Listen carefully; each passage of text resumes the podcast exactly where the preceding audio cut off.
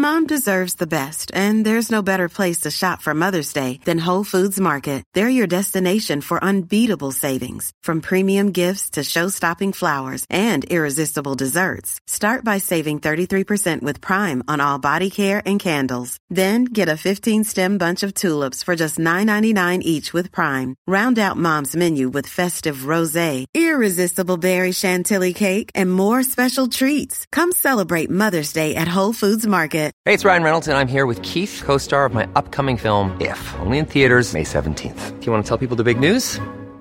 All right, I'll do. Sign up now and you'll get unlimited for $15 a month in six months of Paramount Plus Essential Plan on us. Mintmobile.com slash switch. Upfront payment of $45 equivalent to $15 per month. Unlimited over 40 gigabytes per month. Face lower speeds. Videos at 480p. Active Mint customers by 531.24 get six months of Paramount Plus Essential Plan. Auto renews after six months. Offer ends May 31st, 2024. Separate Paramount Plus registration required. Terms and conditions apply if rated PG. There's never been a faster or easier way to start your weight loss journey than with PlushCare. PlushCare accepts most insurance plans and gives you online access to board-certified physicians who can prescribe FDA-approved weight loss medications like Wigovi and Zepbound for those who qualify. Take charge of your health and speak with a board-certified physician about a weight loss plan that's right for you. Get started today at plushcare.com slash weight loss. That's plushcare.com slash weight loss. plushcare.com slash weight loss.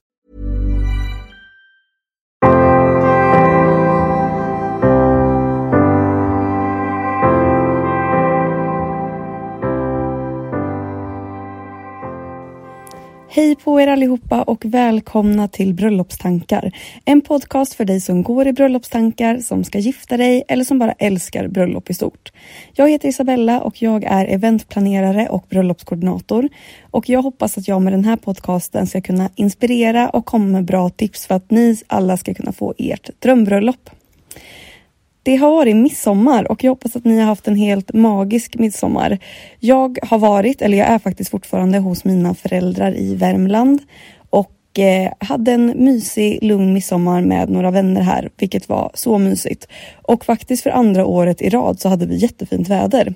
Och jag tror knappt att det har hänt innan, men det är en trend som jag hoppas och som jättegärna får hålla i sig. Och det var också den första midsommar någonsin för min kille. Eh, och jag har faktiskt aldrig sett någon dansa runt stången och se så förvirrad ut. Men samtidigt så glad som han gjorde. Så det var väldigt, väldigt roligt. Så jag har haft en jättebra och fin midsommar. Jag hoppas att ni också haft det. Och den veckan som kommer nu så går jag också in i en bröllopsvecka.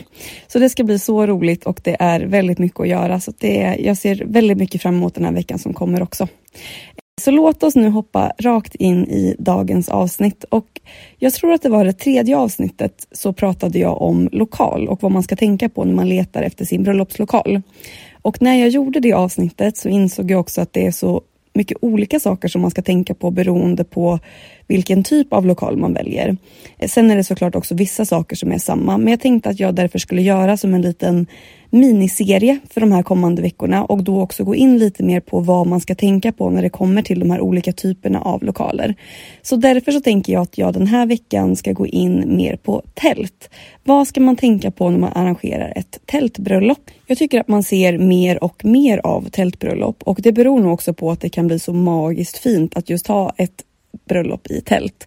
Ofta så får man ju det här ljuset utifrån och speciellt kanske om man gifter sig i början på sommaren när vi har så mycket ljusa nätter.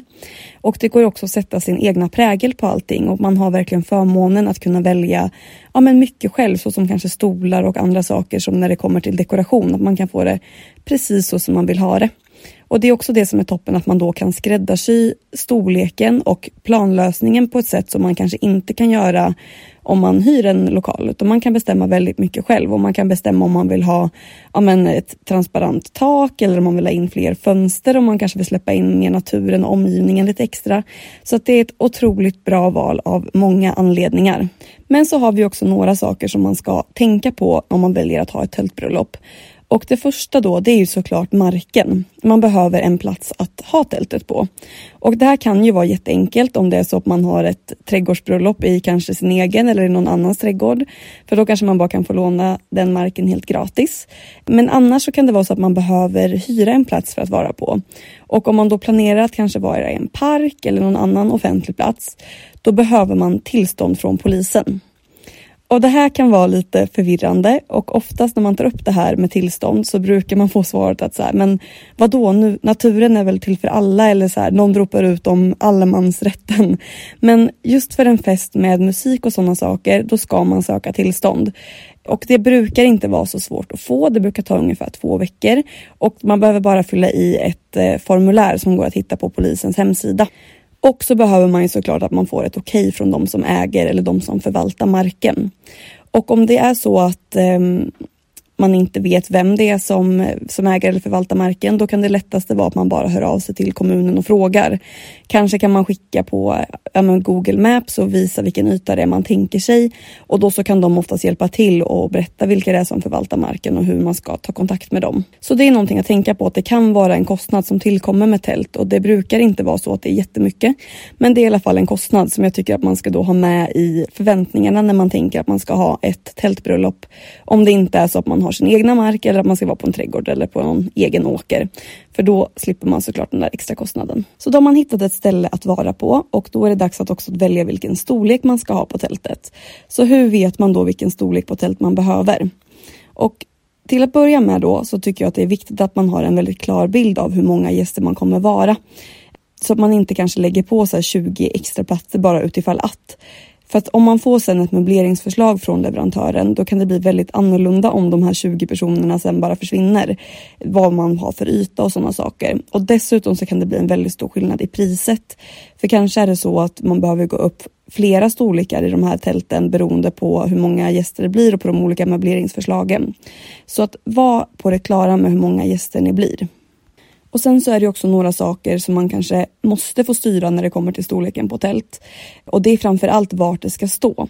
Finns det några begränsningar i att så här, det måste vara inom en viss storlek om man kanske har i en trädgård eller så. Men om man har lyxen att vara på kanske en åker eller på ett stort fält så att det inte spelar någon roll vilken storlek man har, att man kan ha hur stor som helst. Då brukar jag tycka att vilken typ av eh, bordsplacering man har som får styra. Och jag har hört av någon någonstans att man ska tänka ungefär en kvadratmeter per person. Och det är ett ganska förenklat sätt att se på det. Men om man vet att man kanske vill ha en viss typ av servering som kanske så runda bord, vilket är någonting som blir mer och mer vanligt, då tar ju det till mycket mer plats än om man kanske har långbord till exempel. Och om man dessutom vill ha ett så här honnörsbord eller ett sweetheart table, eh, vilket innebär att man bara sitter två vid ett honnörsbord, inte, inte med fler gäster runt då kan det också ta ännu mer plats än om man bara har långbord. Så att jag skulle nog ta den här en kvadratmeter per person lite med en nypa salt och hellre då kanske gå upp en storlek om man känner sig osäker. Sen så kanske man vill ha det lite så extra yta om man vill ha en presentbord eller om man ska ha eh, kanske buffé eller om man ska ha DJ och om man vill ha dansgolv. Då är det bra att räkna för det också. Eh, om man vill, antingen så kan man ju bara ställa undan borden till exempel för extra dansgolv. Eller så kanske man väljer att lägga till ett eh, extra tält som man bara så här connectar ihop med det större tältet. Och där kan man till exempel då sätta DJ och kanske så ex lite extra yta. Sen vill många kanske inte att det ska kännas allt för trångt utan att man vill att man ska kunna ha lite plats för att kanske så här, ja, men dra ut stolen eller att man eh, vill kunna dra undan ett bord för att ha dansgolv eller så. Och jag har märkt att det finns en ja, men väldig oro för att tältet just ska kännas för litet. Men om man har pratat med den leverantören som man hyr tältet från och kanske fått en skiss på ett upplägg, då så skulle jag våga lita på att det räcker. För att ofta så vill man inte heller att det kanske ska vara för långt mellan borden eller att dansgolvet ska vara för stort. För att då kan det istället bli som att alla de här borden blir som ja, men små egna öar och att man inte har så mycket, mycket connection mellan borden. Och nu i coronatider så har det varit så att man har tvungen att ha det så mer eller mindre. Men generellt så tycker jag att det är bra och kanske till och med bättre när borden står lite tajtare. Eh, såklart så ska man kunna så, dra ut stolen och resa sig och gå men att oftast för stämningens skull så blir det bra om man sitter lite tajtare. Så att om det är så att man har en begränsning för hur stort tält man kan ha bara på grund av ytan, eh, då tycker inte jag att man ska vara orolig för det utan det kan absolut bli bra även om man har ett lite mindre tält. Sen så kan det vara så att man kanske får kompromissa med vilken typ av sittning man har. Att man kanske får gå ifrån det här traditionella lite för att det ska fungera. Och när man hyr tält, då är det ofta en fråga som kommer upp om det är viktigt att ha golv i tältet. Och vad som är viktigt, det kan ju egentligen bara ni svara på. Men jag kan säga att golvet är absolut med och skapar en mer lyxig känsla över tältet och gör att man kanske kommer lite mer så här bröllopskänsla än till exempel ja, men studenten-känsla som kanske också är ett sånt tillfälle så många tar in ett tält. Eh, och sen så kan det också vara väldigt bra om gästerna har klackar eller om man dansar mycket. Då sparar man lite på gräsmattan eller vad man nu har för underlag om man då lägger in ett golv istället. Och en tredje fördel med att lägga golv det är att det blir ett plant underlag så att det finns inget så här litet hål som man kanske kan trampa i eller att benen på bordet står ostadigt eller så. Så att det är lättare och det blir en väldigt snygg enhet på allting om man lägger till golv.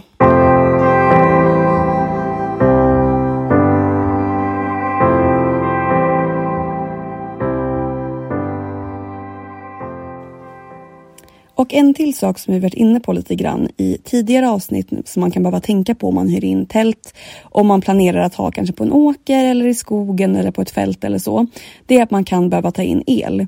Och jag tror att det låter väldigt mycket mer besvärligt och läskigt än vad det är. Att säger man det så tänker man så här, men gud, det blir alldeles för jobbigt, det struntar vi Men det behöver faktiskt inte vara så krångligt utan det kan vara enkelt att hyra in ett elverk.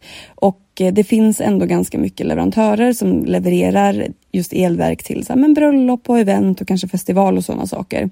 Och det finns ändå faktiskt miljövänliga alternativ nu för tiden som dessutom inte låter så mycket. Så jag tror inte att man behöver bli alltför skrämd av att man behöver ta in el. Och det man behöver el till det kan vara till exempel ja, men DJ och musik. Eh, många om man kanske vill ha ljusslingor om man kanske behöver någon kyl, om man är många så att man behöver ställa ja, men mat eller dricka kyld under kvällen. Eller till exempel nu sommarkvällar så kan det fortfarande bli ganska, så, ja, men ganska ruggiga. Så då kanske man vill ta in någon typ av så, men värmekälla eller att man kan behöva någon typ av ström till det. Och är man då osäker på hur mycket man behöver och hur mycket, mycket av de här sakerna drar så finns det ju då de här leverantörerna som hyr ut sådana här elverk för just event och bröllop och det är bara på att, att googla då till exempel så här, men hyra elverk och sen din stad som du är i. Och sen så prata med dem om hur mycket strömstyrka de tror att man behöver. Och andra saker som man kanske inte tänker på att man ska hyra, hyra in om man är ute då i en park eller ett fält eller så det är ju då toalett och det här är inte så kul om man glömmer att tänka på det här. Och också tänka på att beroende på hur många gäster man är så kanske det är så att man behöver ha fler än bara en toalett. Och att man då också tar in en, ja, men en stor vattendunk med en sån pip på så att man fortfarande finns möjlighet att tvätta händerna. För det är också en sån sak som inte är så kul att, eh, att missa. Så beroende på vilken årstid som man gifter sig och precis som jag sa här tidigare att ibland så kan det vara så att det är ganska så kalla sommarkvällar. Men om man istället sätter sig i tältet redan under eftermiddagen och solen ligger på och gassar på då kan det ju istället vara precis tvärtom att tältet då istället är väldigt varmt. Så jag, jag skulle rekommendera att man funderar på innan vilken, ja, men vilken årstid ni har valt och att man håller koll på hur vädret kommer vara för att är det då istället väldigt varmt då kanske man istället vill duka med såna här eh, solfjädrar så att man kan svalka sig lite och man försöker då hålla tältet ganska öppet så att luften då kan strömma igenom hela tiden så att man inte, så att man inte stänger inne värmen. Men om det då istället är så att det är väldigt, eh, det är lite mer kallt och ruggigt ute så kanske man vill hålla värmen in i tältet. Så att det är jättebra om det finns ett alternativ att man kan öppna och stänga så att man kan bestämma under dagen. Och på tal om att hålla tältet öppet, att har man bröllop utomhus eller om man har ett tältbröllop, då får man kanske räkna med att man får lite oinbjudna gäster i form av kryp. Och då speciellt om man kanske dukar dagen innan eller dekorerar dagen innan så vet jag att det är så lockande att man bara vill stänga igen allting för att man tänker att det inte ska komma in kryp. Men oftast så är det faktiskt bättre att man gör precis tvärtom, att man låter eh, luften gå igenom tältet, och att man sen under morgondagen istället går en liten så här, ja men krypinspektionsrunda och bara plockar bort om det har kommit in kryp. Att om man dukar då med glas och så, att man alltid dukar med glasen upp och ner och att man sen på bröllopsdagen istället innan gästerna kommer går och vänder upp alla glas då istället. Och en sista praktisk sak som man kan behöva tänka på om bröllopet är i början eller slutet på sommaren och det kanske är lite kyligare. Det är att gästerna kanske har olika ja, men ytterkläder med sig och kanske väskor med sig. Och Det kan också vara någonting som kan vara bra att tänka på att ska man ta in hängare och galgar och sådana saker och kanske göra som en liten så här garderobshörna som man kan hänga av sig på. Och också tänka då att det behövs plats i tältet, kanske också då för ja, men under tak om det så att det skulle kunna börja regna.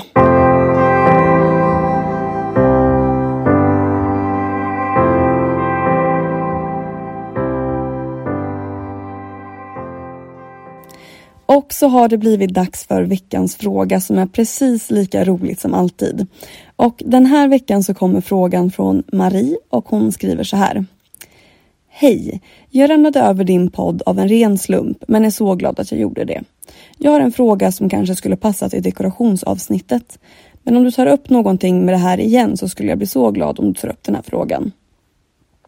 Vi ska ha ett tältbröllop nästa sommar och jag sitter som fastklistrad vid Pinterest för att leta inspiration. Problemet är bara att jag inser att vi inte riktigt har samma budget som bilderna som jag hittar på Pinterest. Och när jag googlar på tältbröllop och tar bilderna som kommer på Google så tycker jag att allt ser så torftigt ut. Har du tips på hur vi kan få ett Pinterest-bröllop men en budgetvariant? Vore så tacksam för svar. Tack igen för en bra podd. Kram Marie. Som alltid en sån rolig fråga och jag tyckte att det här passade bra att ta upp nu i tältavsnittet eftersom att Marie skriver att de ska ha just ett tältbröllop. Och nu har jag pratat en del om de praktiska sakerna som man ska tänka på om man har ett tältbröllop så att jag tycker att det blir perfekt att prata lite om dekoration här också. Och det finns ju precis som du säger hur mycket som helst inspirationsbilder på Pinterest och just när det kommer till tältdekoration och ofta med ett ganska eh, kanske en ganska så bohemisk känsla. Och där har vi lite av det som jag pratade om då i dekorationsavsnittet, att bord och stolar gör enormt mycket när det kommer till den här känslan. Om man har vita dukar och vita stolsöverdrag, då kommer det vara mycket svårare att få den här ja, boho-känslan som vi ser på just många av de här inspirationsbilderna. Och eftersom du ändå ska hyra bord och stolar så är det absolut det första jag skulle kolla på att byta ut och titta på inspiration på. Och precis som du skriver här också så måste vi ju då ta hänsyn till vår egen budget och kanske snarare se Pinterest som en inspiration snarare än en, så här, en målbild. Och många av de här inspirationsbilderna på Pinterest, de visar ju så här extremt påkostade varianter på dekorationen som kanske, ja men säkert kostar så här, men 200 000. Så har man en liten budget så kanske det är bättre att man gör ja men en del saker själva och att man satsar på några utvalda dekorationer som har den här wow-faktorn istället för att man har många små som kanske inte märks lika mycket. Så jag gör som jag brukar och det är att jag passar tillbaka några frågor till er. Så att hur ser ert tält ut och hur stort är det? Så att beroende på vilken sorts tält som ni har valt så finns det ju olika förutsättningar för att dekorera. Om man kanske har ett topptält som är ett sånt här tält som ser lite ut som ett cirkustält då har man kanske mycket my eh, större möjligheter att jobba med höjden och kanske sätta dekoration i taket. Medan om man har ett tält med lågt tak då kanske det är bättre att man satsar på att dekorera borden lite extra och kanske bara hänger lite ljusslingor och tyg i taket. Men om ni har ett tält med högt tak då finns det så många spännande lösningar att välja mellan. Att man då kanske använder taket för att eh, dekorera. Det är ett väldigt effektivt sätt att skapa den här magiska stämningen i tältet. Så att oavsett om man då väljer att hänga upp eh, rislampor och det finns det jättemånga bra billiga varianter från Ikea som man kan köpa. Och det finns i både olika storlekar och till och med olika färger som man kan hänga i taket. Och det är en väldigt billig lösning men som blir väldigt effektiv och som verkligen skapar den här wow-känsla när man kliver in i tältet. Och sen så kan man ju då som vanligt, som jag också sagt i flera avsnitt, jobba med mycket grönt och kanske hänga upp stora kransar i taket. Det beror lite på när man gifter sig, men man kan ju göra egna sådana kransar och kanske till exempel björk. Det har varit en klassisk midsommargrej nu.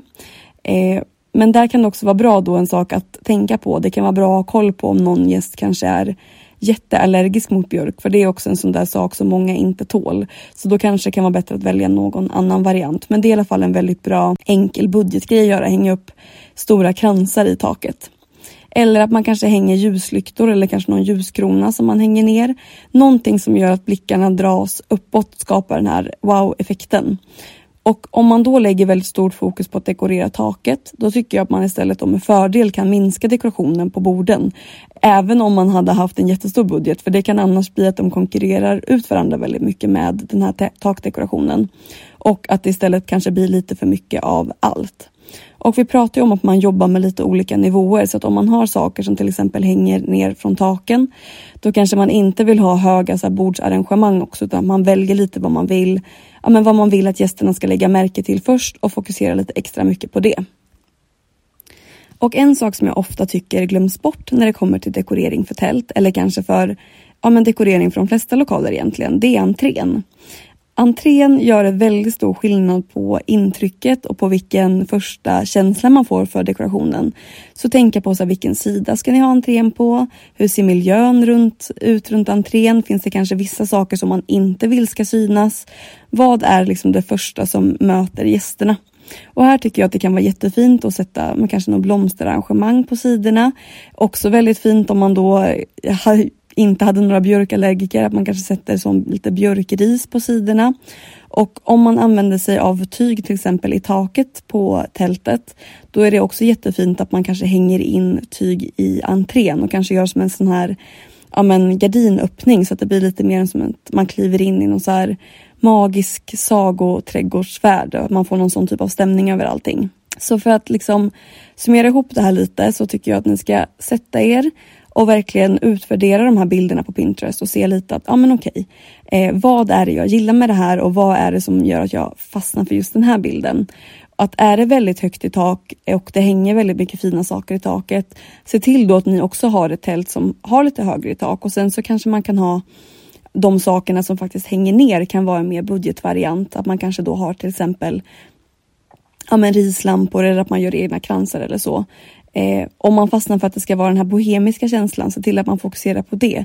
Så att man väljer lite inriktning och fokusområde och att man förstår då att man kanske inte kan få allting. Sen så är det ju så att det enklaste sättet att komma ner i pris på dekoration, det är att man gör mycket själv. Och då är det ju precis som jag sa i tidigare avsnitt också, att det man spar i pengar får man betala med i tid. Så se till då att ni kanske får tillgång till tältet någon dag, någon extra dag innan så att man verkligen hinner vara där någon dag innan. Ja men och dekorera och se till att ni ha med i det som man behöver ha med sig då så att man har med sig ja, men stege och fiskelina och buntband och sådana saker. Så att har man hjälp av nära och kära och man har gott om tid då kommer ni kunna göra det hur fint som helst. Och jag tror att det absolut vanligaste misstaget man gör när man sitter och tittar på Pinterest på det där sättet det är just det att man tittar, man kollar liksom på man söker på bröllopstält och sen så kollar man inte på de tälten som kanske liknar dem, det tältet som man själv faktiskt har hyrt utan det blir en väldigt stor skillnad. Så försök att hitta inspirationsbilder som, ja, men som stämmer överens med er variant på tältet och sen så kan själva dekorationen variera Eh, bara man fångar den här samma känslan som var det som man fastnade för i bilderna och att man sen kan göra det av en enklare variant.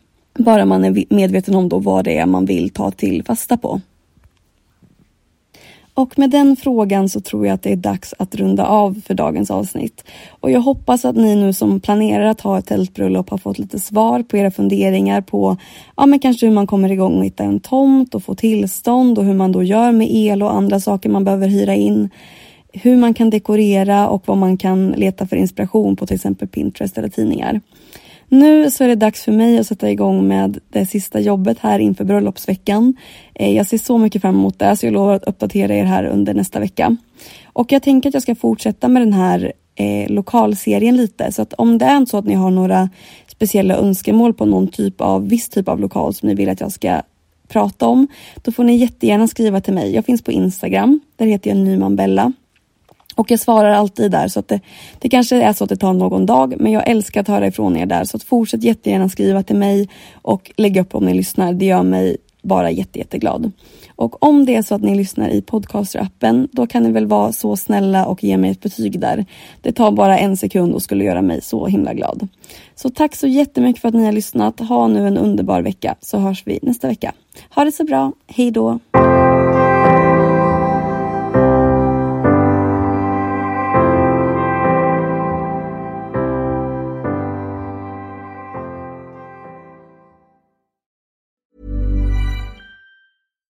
Hi, I'm Daniel, founder of Pretty Litter. Cats and cat owners deserve better than any old fashioned litter. That's why I teamed up with scientists and veterinarians to create Pretty Litter. Its innovative crystal formula has superior odor control and weighs up to 80% less than clay litter.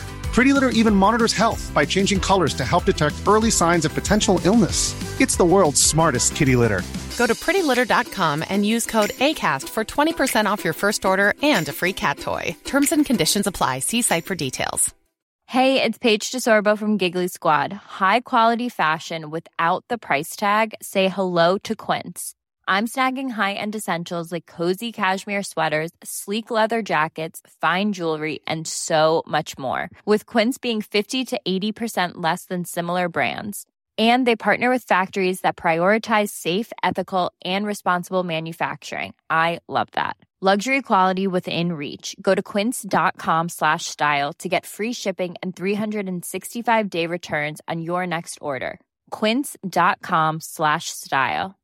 Imagine the softest sheets you've ever felt. Now imagine them getting even softer over time. That's what you'll feel with Bowl and Branch's organic cotton sheets. In a recent customer survey, 96% replied that Bowl and Branch sheets get softer with every wash. Start getting your best night's sleep in these sheets that get softer and softer for years to come. Try their sheets with a 30-night guarantee. Plus, get 15% off your first order at bowlandbranch.com. Code BUTTERY. Exclusions apply. See site for details.